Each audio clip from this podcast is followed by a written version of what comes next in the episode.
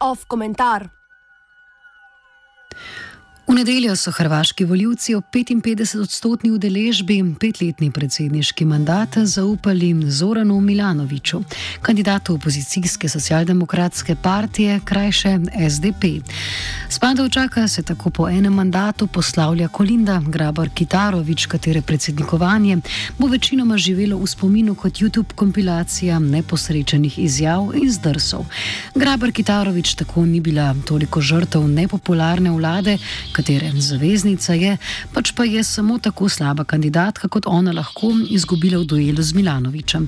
Kandidatka vladajoče Hrvaške demokratske skupnosti, bolje znane pod kratico HDZ, je bila še pred nekaj meseci glavna kandidatka za osvojitev drugega zaporednega mandata, v mestnem času pa je njena podpora krepko padla, v zadnjem tednu si je dokončno uničila možnosti za zmago s skrajno neprepričljivimi nastopi na televizijskih soočenjih, kjer se je mnogo bolje odrezal Zoran Milanovič, ki se tako po petih letih vrača na državniško funkcijo.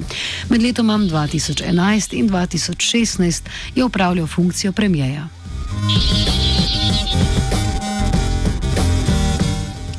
Prav Milanovičeva vlada je bila tista, ki je v določeni meri odnesla nekdanjega predsednika Iva Josipoviča, na to pa še istega leta klonila kar sama. Milanovič je na začetku desetletja zasedal stolček predsednika vlade kot vodja tako imenovane Kukuriku koalicije, ki so jo otvorili socialdemokrati, liberalna narodna stranka, stranka upokojencev in istrski demokratski zbor. Eni progresivnejših koalicij, sicer konzervativni Hrvaški, je nasproti stal znatno oslabljeni HDZ, ki je manj poslancev usvojil le še leta 2000 po smrti predsednika Franja Tudžmana. Leta 2011, tako kot na prelomu tisočletja, je bil HDZ ujet v frakcijske boje po odhodu nekdanjega premijeja Ive Sanadarja, ki se je znašel v številnih korupcijskih preiskavah. Te pa so resno ogrozile tudi političnemu preživetju stranke. Štiri leta pozneje je bilo vse po starem in HDZ je bil spet na vrhu.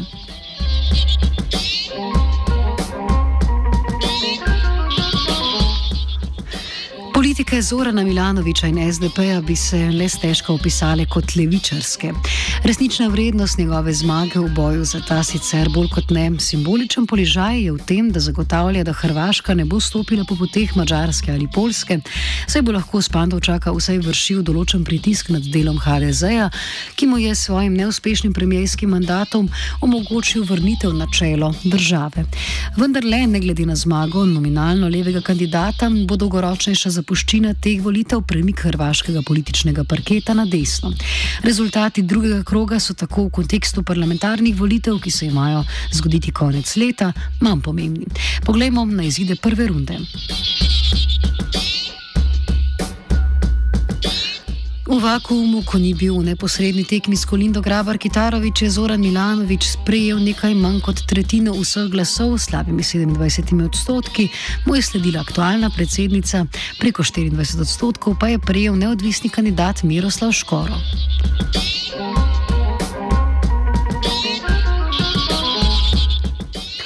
Skoraj širši javnosti do pred kratkim bil poznan predvsem kot pevec, a tokratna kandidatura ni njegova prva ekskurzija v politične vode. V sredini 90-ih je deloval kot generalni konzul na Mačarskem med letoma 2007 in 2008, pa je tudi sedel v saborju in sicer kot poslanec HDZ. Politiko je zapustil razočaran nad odnosom medijev, ki jih je obtožil, da vse politike prikazujejo kot slabe in korumpirane. Za tokratno predsedniško kampanjo je lahko računal na prijaznejše poročanje, predvsem na skrajnem desnem medijskem polu, ki se je do dobra konsolidiral v minulem desetletju.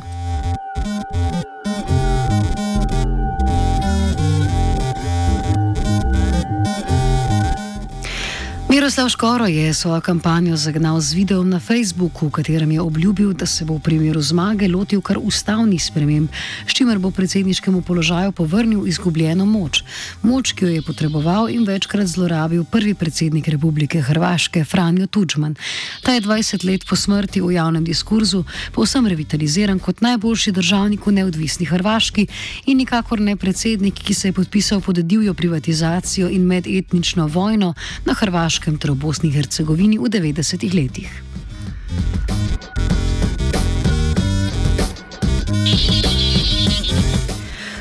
Škoro tako zagovarja vrnitev na pota Tudžmanova, s katerih naj bi skrenil aktualni HDZ. Moderni HDZ pod vodstvom premijeja Andreja Plenkoviča je oče Škora in njegovih podpornikov preveč centrističen, preveč proevropski, preveč mehak.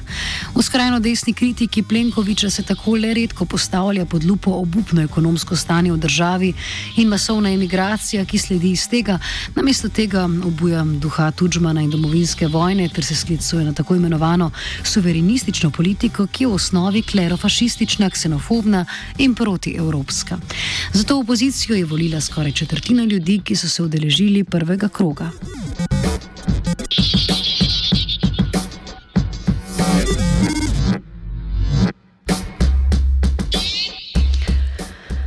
Tretji uvrščeni v prvem krogu po razglasitvi rezultatov svojih voljivcev ni pozval k temu, da podprejo Grabar Kitarovič in s tem storil uslugo Milanoviču, ki se je v krajih, kjer je slavil škoro, procentualno odrezal mnogo bolje, kot je bilo pričakovati. Največ neveljavnih glasovnic, teh pa je bilo kar 4 odstotke, je bilo vdanih ravno v Škorovi Slavoniji, kjer je ta prepričljivo slavil v prvem krogu.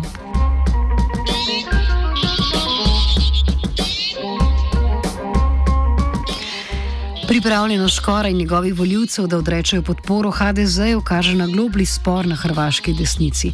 Ta proces sam po sebi ne predstavlja nič novega v 30-letni zgodovini HDZ-ja. Sposobnost koeksistence vseh otenkov desnice je zapisana v samem DNK-ju HDZ-ja. Ta je bil vedno nekje na spektru med odkritim neoustaštvom in demokrščanstvom po nemškem vzoru. Kljub številnim poskusom vzpostavitve resne konkurence HDZ-ju so ti projekti v preteklosti sčasoma vedno vedno spodleteli. Tako v primeru vseh različic ekstremno desne hrvaške stranke, prava kot v primeru regionalistične Hrvaške demokratske zaveze Slavonije in Baranje pod vodstvom vojnega zločinca Branimirja Glavaša. Podobno usodo je doživela sredinska stranka Most, ki je razpadla tako rekoč prvi dan po razglasitvi izidov na splošnih volitvah leta 2015.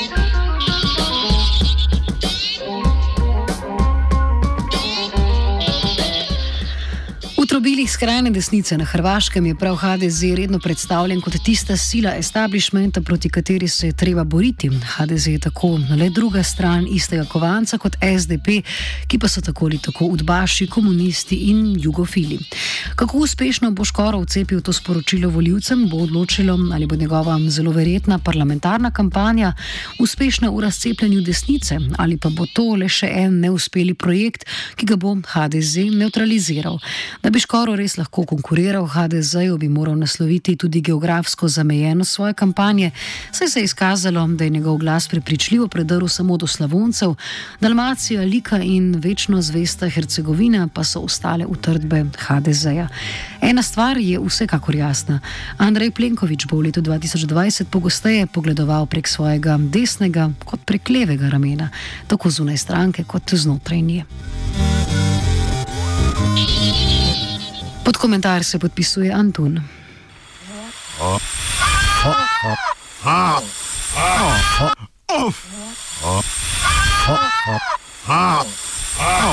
Off komentar.